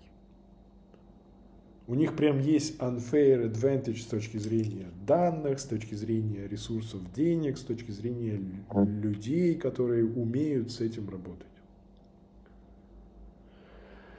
Есть, ну, как бы все остальные, у которых шансов просто мало, но у них есть преимущество гибкости, которые нет у больших. И так это происходит со всеми технологиями. Неважно, большой, как бы гигантский игрок, вот как Google, да, сейчас вот, ну, все мы обсуждаем, Барт, вот это все, вот это вот, да, вот эти все разговоры, у Гугла есть, у Гугла нет, у Google сильный, Google слабый. Можно много чего говорить, вот там сотрясать воздух про это и все. Но как бы корпорации все равно медленнее, чем все остальные. Несмотря на то, что у вас в мете Ян Ликун и прочее, и прочее, Ян Ликун сидит и ничего не может сделать. Почему? Потому что он сидит в лаборатории, скован NDA, и он никак не может это комментировать. Он может только пердеть в воздух и говорить OpenAI говно, чат GPT-4 говно и так далее, и так далее, и так далее. И вы вообще ничего не понимаете. Это так. Но еще раз, э, все это, ну как бы персональный bias, персональное мнение каждого отдельного человека. Но правда будет вообще в другом месте. Хм.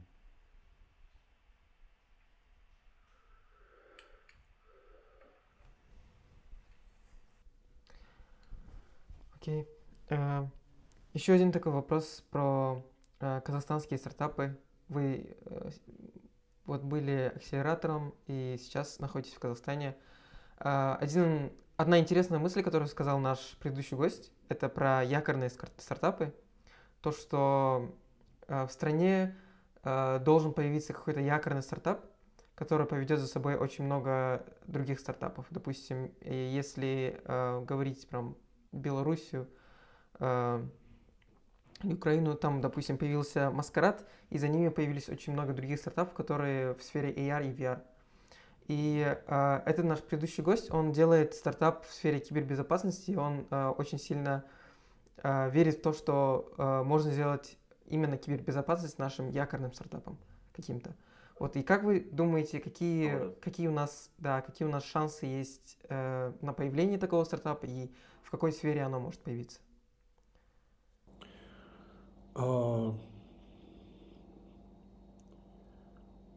Мое мнение, возможно, будет отличаться от многих, кто про это все сейчас думает или говорит.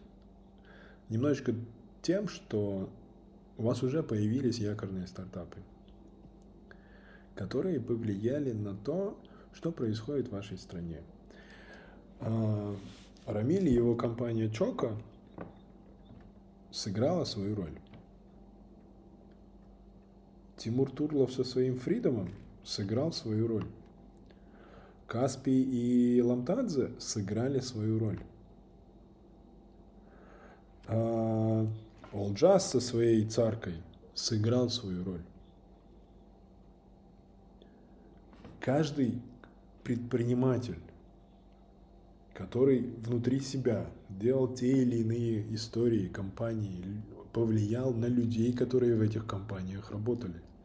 Огромное количество выходцев из ЧОКа попробовали, сфейлились или сделали что-то. Если вы внимательно изучите историю казахских предпринимателей, многие поработали в тех или иных компаниях. Это все круги на воде, которые разносятся в разную сторону. И такие якорные компании у вас уже случились. Конечно же, когда появляются еще более масштабные бизнесы, ну, Каспий это мощный бизнес, большой бизнес, у него влияние и волны будут другого размера. Олджаз, как представитель кибербезопасности вкладывается, ну, как бы мощнейшим образом вообще в принципе в индустрию развития специалистов в этой области по всему Казахстану. Ну, он влияние огромное отказывает.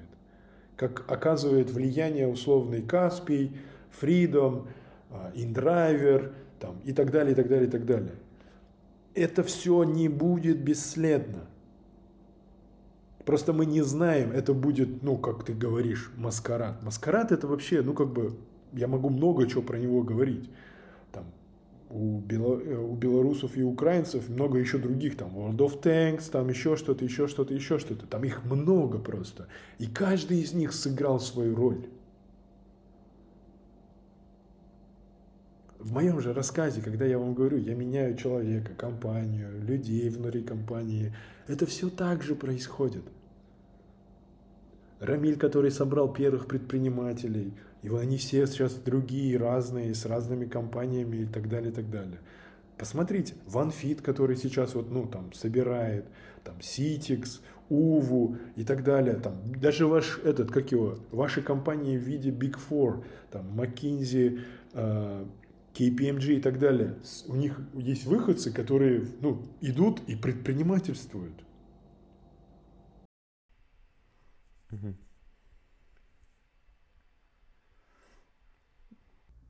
А что не хватает, чтобы создать э, какой-то common name в э, международном маркете? Допустим, как World of Tanks, либо э, Grammarly у украинцев. Все используют Grammarly. Время. Время. Время. Это вопрос некого насыщения момента, когда произойдет этот бум, взрыв. Это как экспоненциал у нас сейчас вот, вот здесь, да? Вы же, вы поймите, World of Tanks не случился на пустом месте. Граммарли не случился на пустом месте. Мира не случились на пустом месте. Это все бизнесы, которые выстреливают, потому что происходит определенная насыщенность людей, технологий, предпринимателей, денег, венчуров, институтов, там, университетов. Просто вы хотите сегодня – а нужно быть терпеливым. Бизнесы, которые mm-hmm. выстреливают, требуют иногда 7 лет, 8 лет, 10 лет. А нам, правда, внутренне, конечно же, хочется сегодня. Ну, или в крайнем случае завтра.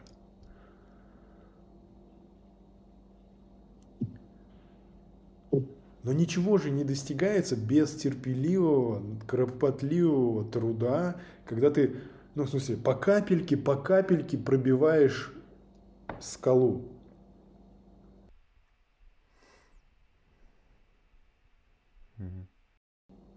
Приедут такие, как вы, выпускники Меты, Amazon и так далее, и так далее. Вас будет много, вы в такой-то момент скажете, а давай сделаем вот это. И оно произойдет.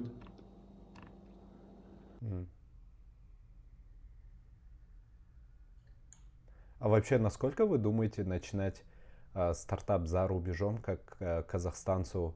Вообще это хорошая идея, либо лучше начинать с, с Казахстана и выходить э, в зарубеж? Есть ли вообще различия?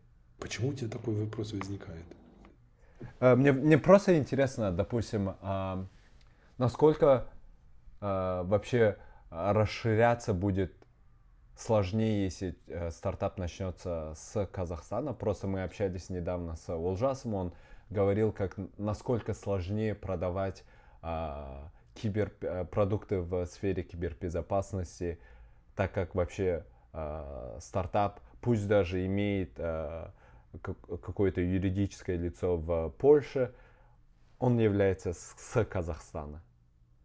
Э, в этом плане, насколько вот если чисто думать практически, насколько начинать э, стартап внутри э, стран СНГ позволяет, а именно Казахстана позволяет э, расширение, э, ну, э, облегчает расширение в долгосрочной перспективе? Я э, Я понимаю, ну, понимаю твой вопрос, я попробую ответить, ну, не с этой стороны, с которой ты спрашиваешь, а с, с точки зрения вообще, наверное, правильного формулирования и целеполагания, когда ты хочешь предпринять вот этот вот шаг.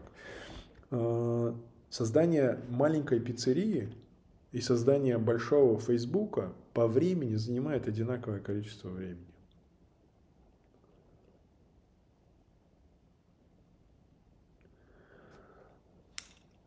Почему?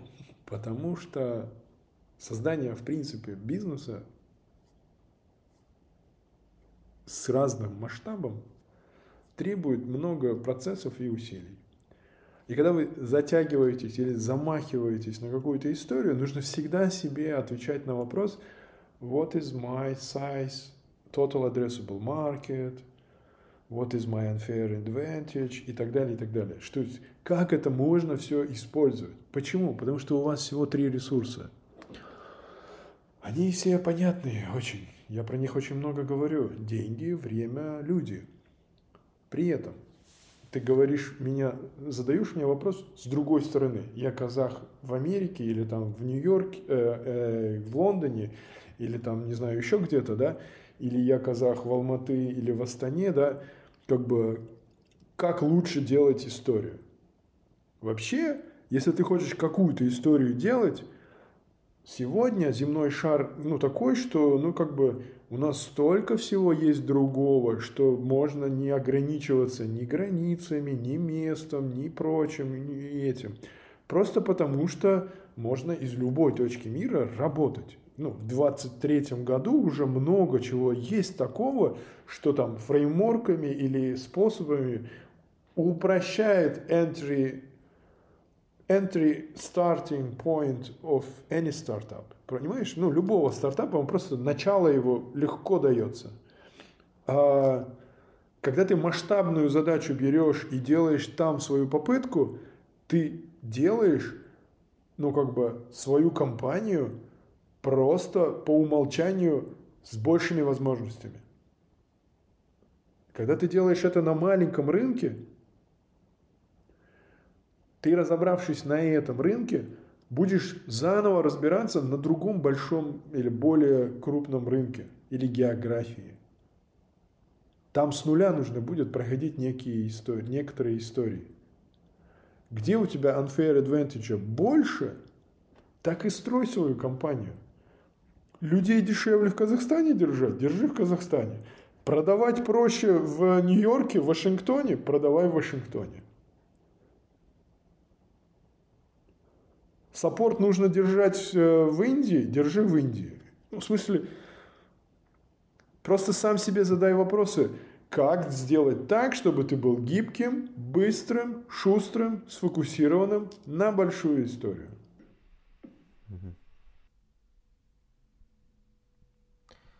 Эм, в тот же момент, если про вот influence эм, говорить, э, как будто стартапы, которые зарождаются и базируются в Казахстане, и versus стартапы, которые сделали казахстанцы, но за рубежом, они как будто оказывают меньшее влияние на людей именно в Казахстане, на, на market в Казахстане. То есть, может, я немного bias, но я очень мало слышу про стартапы, э, которые делают в Великобритании, допустим, или в другой стране, и больше слушаю про стартапы, которые делают в Казахстане, даже если они маленькие. Они как будто более inspiring, они как будто более заряжают на то, чтобы делать стартапы именно. Эм. Ну смотри, если бы ты был э, гражданином условной любой страны, не Казахстана, ты бы говорил примерно такую же историю. Ты просто смотришь на казахский рынок, на котором условно 150-200 стартапов, про которых ты слышишь, про которых пишут абсолютно все каналы или там СМИ, которые тебе доступны и понятны. А так как больше про некого говорить, как бы они вот эти 200-300 компаний постоянно упоминают. И ты как бы в этом вакууме живешь. А условный великобританский казахский стартап или там нью-йоркский, казахский стартап ты не можешь уследить, просто потому что там другой info bubble. Ты туда просто, ну, типа, не смотришь, за ними не следишь. Это просто твое личное восприятие. Ты хочешь просто стать, ну, если известным в Казахстане, да, тогда езжай и танцуй на арене Казахстана, чтобы все тебе хлопали. Нормальная цель. Но кажется, бизнес делается не для этого. Просто я знаю людей, которым очень хочется пиариться.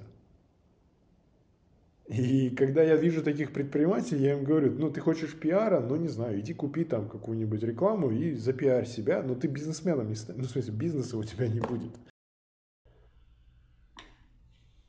Все сводится снова к самому главному вопросу. Зачем? Зачем? Да.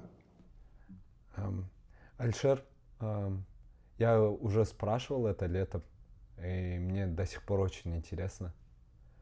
Вы работаете трекером, где вы очень много времени отдаете э, другим стартапам, чтобы они именно создавали э, следующую большую историю. Насколько у вас хватает времени и энергии, чтобы создавать свою историю, чтобы создать какой-то большой стартап? Хотите ли вы это вообще делать, либо вы уже решили то, что ваш, э, ваш смысл жизни это именно помогать другим, быть энейблером, э, то есть чтобы другие создавали эти большие истории? Ну смотри, э, стать самым лучшим энейблером очень непростая задача. Это челленджинг сама по себе. И вообще я сам себе всегда говорю, ну типа, лучше быть, например, самым лучшим сварщиком, чем быть э, посредственным, не знаю, геологом, доктором, врачом, неважно, там, ученым каким-то, посредственным, в смысле, ничего не сделавшим. И если ты чем-то решил заниматься, ну, становись лучшим в этом. И если ты, ну, как бы от души развиваешься в этом, сам себя чувствуешь классно, то уже, ну, типа, классно само по себе твое ощущение. При этом я же всегда предпринимаю, думаю, и где-то я делаю своими руками, а где-то я делаю чужими руками какие-то истории. И честно это или нечестно, можем сесть и философски обсудить, ну, в смысле, э, типа, это же не честное предпринимательство, или это честное предпринимательство и так далее. Но у меня просто очень простой подход в этом. Предпринимательство вообще, ну, оно как бы не описано, как правильно. Его нельзя как-то там структурировать. Ну, то есть можно быть кофаундером, можно не быть кофаундером. А, можно быть ментором или там, не знаю, инвестором, еще чем-то, еще как-то, адвайзером, но все равно творить тем или иным способом. А, твой же вопрос, наверное, Али, ты когда-нибудь сам будешь еще что-нибудь делать? Ну, я уже что-то делал, пробовал, пробую. А, при этом я все время смотрю, ну, там, на рынке, сравниваю со своим внутренним состоянием, задаюсь вопросом, мне это интересно, хотел бы я туда погрузиться, ну, и стать лучшим в этом или нет, меня это, ну, там, драйвит или нет, и так далее. Поэтому, вот, наверное, такое у меня состояние, при этом я знаю, что я лучше всех делаю то, что я делаю. Я, если знаю кого-то, кто лучше, я иду к нему учиться. А как вы подходите к этим людям и спрашиваете? Я хочу э, научиться у вас. Так и при, прихожу и говорю. Ну, то есть, честно, открыто. Я такой-то, делаю вот это. Я вижу, что ты такой-то. Хочу понять, как можно учиться или развиваться. Может быть, у тебя есть какой-то совет, рекомендация. Можете назвать какие-то личности, которыми вы восхищаетесь и э, возможно, именно в вашей специфике. то есть enabler, допустим, и, э, но, возможно, и в э, рамках в целом бизнеса и предпринимательства. Ну смотри, э, вы правильный вопрос формулируете про условных кумиров или каких-то людей, на которых мы смотрим и, там, не знаю, инспирируемся, восхищаемся и так далее. Э, таких людей у меня на самом деле очень много. Я могу тебе сказать, что практически в каждой специализации, которую я сам э, использую или изучаю, или увлекаюсь, там есть такой человек или такие люди – там, не знаю, в дизайне продуктов э, Джонни Айв, э, Дитер Рамс и много-много-много других дизайнеров. Ну, то есть я могу часами рассказывать про разных дизайнеров, за которыми я слежу, смотрю, изучаю там, их работы, покупаю их книги, там, читаю, развиваюсь. А, в предпринимательстве, в коучинге, именно где enable люди, есть несколько фамилий, которые я легко могу поделиться. Один из них э, Мачари, это, ну, у него есть известный метод Мачари. Другой это Билл Кэмпбелл, великий Билл Кэмпбелл, который был э, коучем практически всех топовых компаний Америки. А Мачари – это человек, который был ментором Наваля. Я не знаю, знаете ли вы, кто такой Наваль. Наваль – это другой философ, третий, ну, как бы предприниматель, которого я рекомендую э, к чтению, к изучению, вообще, в принципе, многих предпринимателей. Просто на разном уровне я рекомендую разным людям разные истории. Соответственно, вот эти три человека, Билл Кэмпбелл, Мачари и Наваль, это вот, наверное, три величайших специалиста, которые меня инспирируют.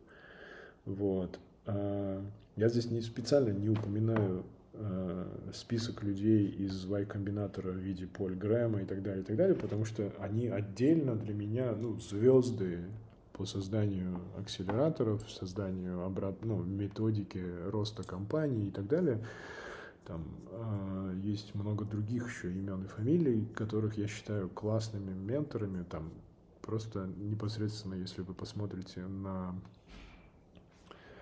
список людей, которые занимаются office hours в Startup School, Y Combinator там, и так далее, и так далее. Там много есть талантливых предпринимателей, там, от Сибеля и заканчивая Гаританом, там, и так далее, и так далее. Да, вот за ними, за всеми, конечно же, я слежу, смотрю и, и изучаю их подходы, смотрю, что они делают, как они это делают. И я, в принципе, как бы открыт к развитию. Я не считаю, что я лучше всех делаю то, что я делаю в плане э, всего мира. Я знаю, где я самый классный. Я знаю, что я на территории России лучший специалист был. Я знаю, что я сейчас в Центральной Азии лучший специалист в этом вопросе. Если я куда-то поеду, сначала посмотрю на сцену, а потом ну, сам себе отвечу, там, типа, а какой я? Вот. Поэтому как-то так, как-то так. Вот. При этом направлений, там, в которых у меня есть inspiring people, их много. В том же предпринимательстве условный Джефф Безос, э, Илон Маск, э, Стив Джобс. Это же иконы. Ну, правда, иконы, которые нужно знать, которые нужно изучить, понять, почему, как, зачем. И я считаю, что, ну, чем больше людей, чем больше ты рассматриваешь разных моделей и примеров, тем больше ты сможешь для себя найти что-то, что, ну, как бы близко тебе, что похоже что подходит тебе, что тебе кажется правильным. При этом я еще раз повторяю, что открытость это самое важное. Ну, то есть, там, не знаю, вот представьте, что я игнорирую пример Джеффа, Джеффа Безоса, да? Ну, я же мудак, потому что, ну, я закрылся вот этому примеру. Я сам мудак, я сам себе врежу. Там, условно, Уоррен Баффет. Там, ну, типа, надо быть мудаком, чтобы не пос посмотреть его там, письмо или еще что-то, потому что, ну, он в своем деле он талант. величайшими результатами. Ну, то есть вот, вот эта вот закрытость, она не про меня. Я открыт. Мгм.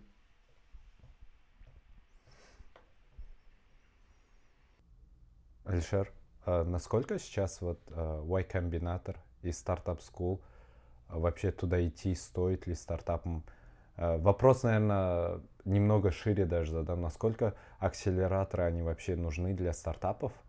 И в какой стадии вообще нужно для стартапов а, уходить а, в такие акселераторы? Еще я недавно слышал то, что Y Combinator, так как очень-очень много выпусков, сейчас они делают два раза в год, как будто стало уже factory машин. И даже если на статистику посмотришь, э, посмотрите, то тогда у них пропорция успешных стартапов все меньше и меньше из-за того, что волюма очень-очень много. И насколько вообще там а, коучи по-настоящему уделяют времени стартапам, так как очень-очень много стартапов а, внутри эти- этих акселераторов. В этом плане лучше идти на какие-то маленькие акселераторы, где больше внимания на твой стартап уделяют, на развитие тебя как а, кофаундера. Или а, до сих пор есть ценность в таких больших именах, которые вы уже сказали. Это Startup School, Y Combinator и другие. Смотри, у этого ответа, наверное, есть две формулировки, и они будут, как бы, наверное, друг другу чуть-чуть противоречить. Y-комбинатор все еще является ну, очень классным энейблером для любого стартапа.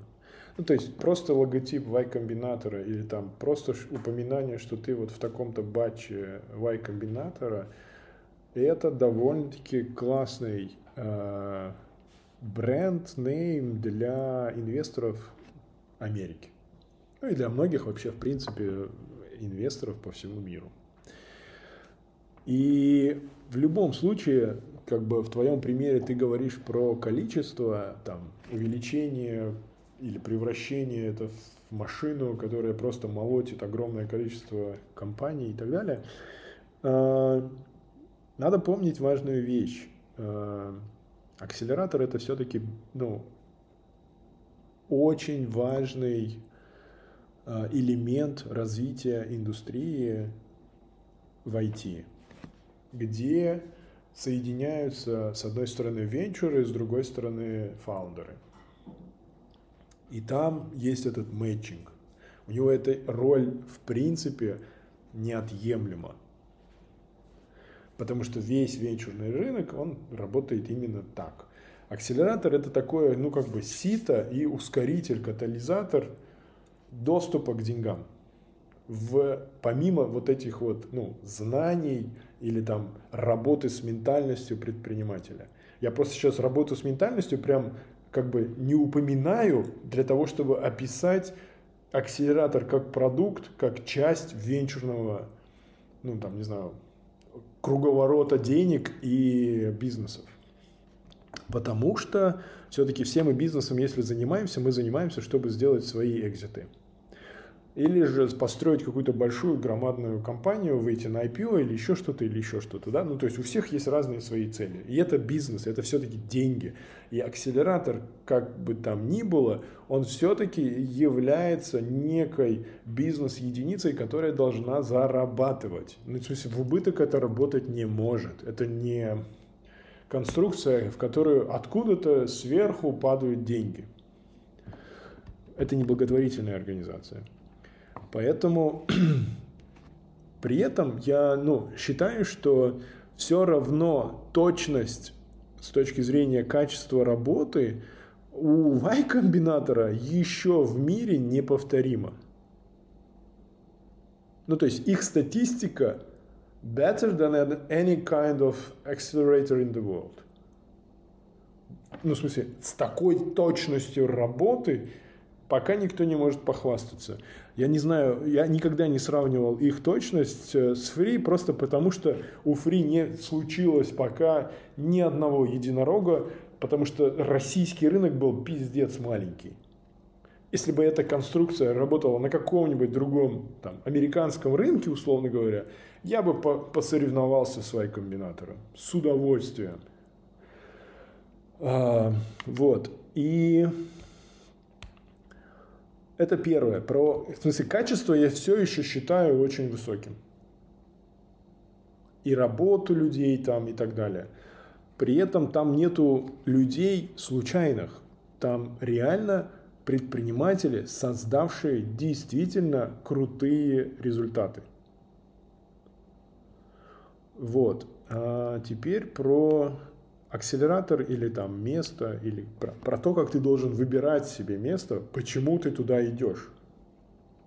Очень важно понимать, что стартап-founder должен четко осознавать, зачем он идет. Ну, то есть, вот я, у меня есть банальные вопросы и банальные очень конструкции. Если человек знает, зачем он идет, ему становится в жизни намного проще. Например, в Y Combinator ты идешь, чтобы получить огромный network среди лучших founder ов планеты. Ты выпускником Y-комбинатора становишься, ты попадаешь их в Bookface, и ты, у тебя доступ к самому качественному нетворку мира. Понятный ответ? Понятный ответ. А, ты идешь туда, чтобы выйти на демо-день и получить доступ к лучшим инвесторам мира. Понятный ответ? Понятный ответ. И вот, вот как бы чем больше понятных таких вот ответов на вопрос «зачем?» у этого продукта под названием акселератор, тем лучше и качественнее происходит вот это вот достижение результата, от которого ты сам себе задаешь вопрос. Теперь про, там, не знаю, все другие места в виде, там, условного, не знаю, даже вот там, где я бываю или где я не бываю и так далее. Там нужно тоже также задавать вопрос, зачем ты туда идешь, что ты хочешь получить. Просто так случилось, что, например, когда я был в первом батче, многие люди, которые туда пришли в Казахстане, они думали, что это yet another Э, accelerator, куда можно просто-напросто не ходить или там нихуя не делать, сидеть хуй пинать и получить в конце э, классный сертификат, что ты был в таком вот прекрасном месте и так далее, и так далее, и так далее. А потом, for real, они охуели от того, что происходило. Теперь э, после того, как это происходит, они реально, когда начинают ну, типа, работать и видят результат или изменения, у них отношение меняется. И вот тут как бы они шли, чтобы получить бумажку, получили больше, чем они ожидали. Второй батч уже шел туда, понимая зачем. Ну, то есть они шли на конкретного человека – ну, то есть они знали ответ на вопрос, зачем они идут. Теперь каждый раз, когда вот, ну, вот дальше будет, например, происходить или не будет происходить, ну, люди могут задаваться вопросом, а что я получу? И когда ты показываешь высокий уровень, конечно же, типа, люди просто бумажку больше не хотят. Им хочется чего-то другого. И вот так нужно подходить к этим вопросам. Я ответил? Да, больше, чем ответили.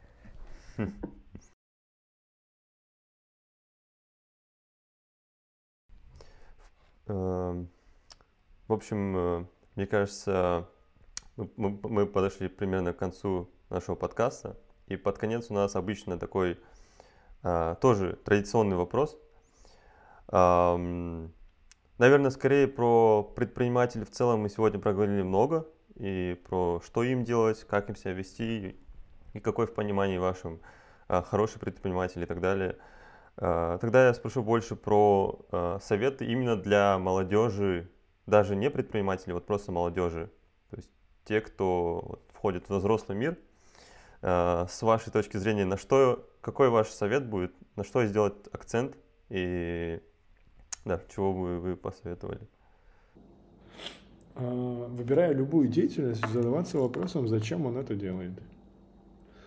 Идешь учиться, спроси зачем. Идешь в спортзал, спроси себя, зачем ты идешь в спортзал. Э, какой ты хочешь получить результат. За, почему это сегодня, здесь и сейчас тебе это важно и так далее. Ну, то есть задаваться больше вопросами. Самому, самому себе честно уметь отвечать, честно себе говорить.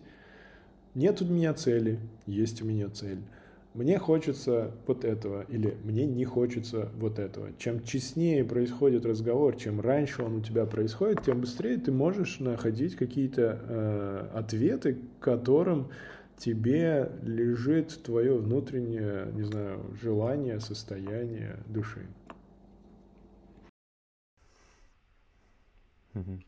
Да, мне кажется, этот ответ в целом еще конклюдит наш разговор то, о чем мы сегодня говорили, потому что в каждом, по сути, вопросе мы упирались в этот вопрос, и было понятно сразу, как подходить к ответу. Так ведь? Вот. А, в целом, спасибо, Алишер, что пришли. А, надеемся, что вам тоже понравилось, что вы для себя тоже ощут... Э, может, ощутили уже сейчас, и вы ощутите, когда это выйдет выпуск, в то, что вы влияете и на вот, соответственно, молодежь, которая нас смотрит, на нас самих. А, и вот, да, спасибо, что пришли. А, спасибо всем, кто нас смотрел. А, мне кажется, получился продуктивный и интересный разговор. И надеемся, вы извлечете из этого разговора много для себя. Вот. Мы, конечно, оставим там Инстаграм, Телеграм-каналы э, Алишера. Вот. Спасибо, что слушали. Всем пока. Подписывайтесь, ставьте лайки. Да, ставьте лайки. Пока. Спасибо.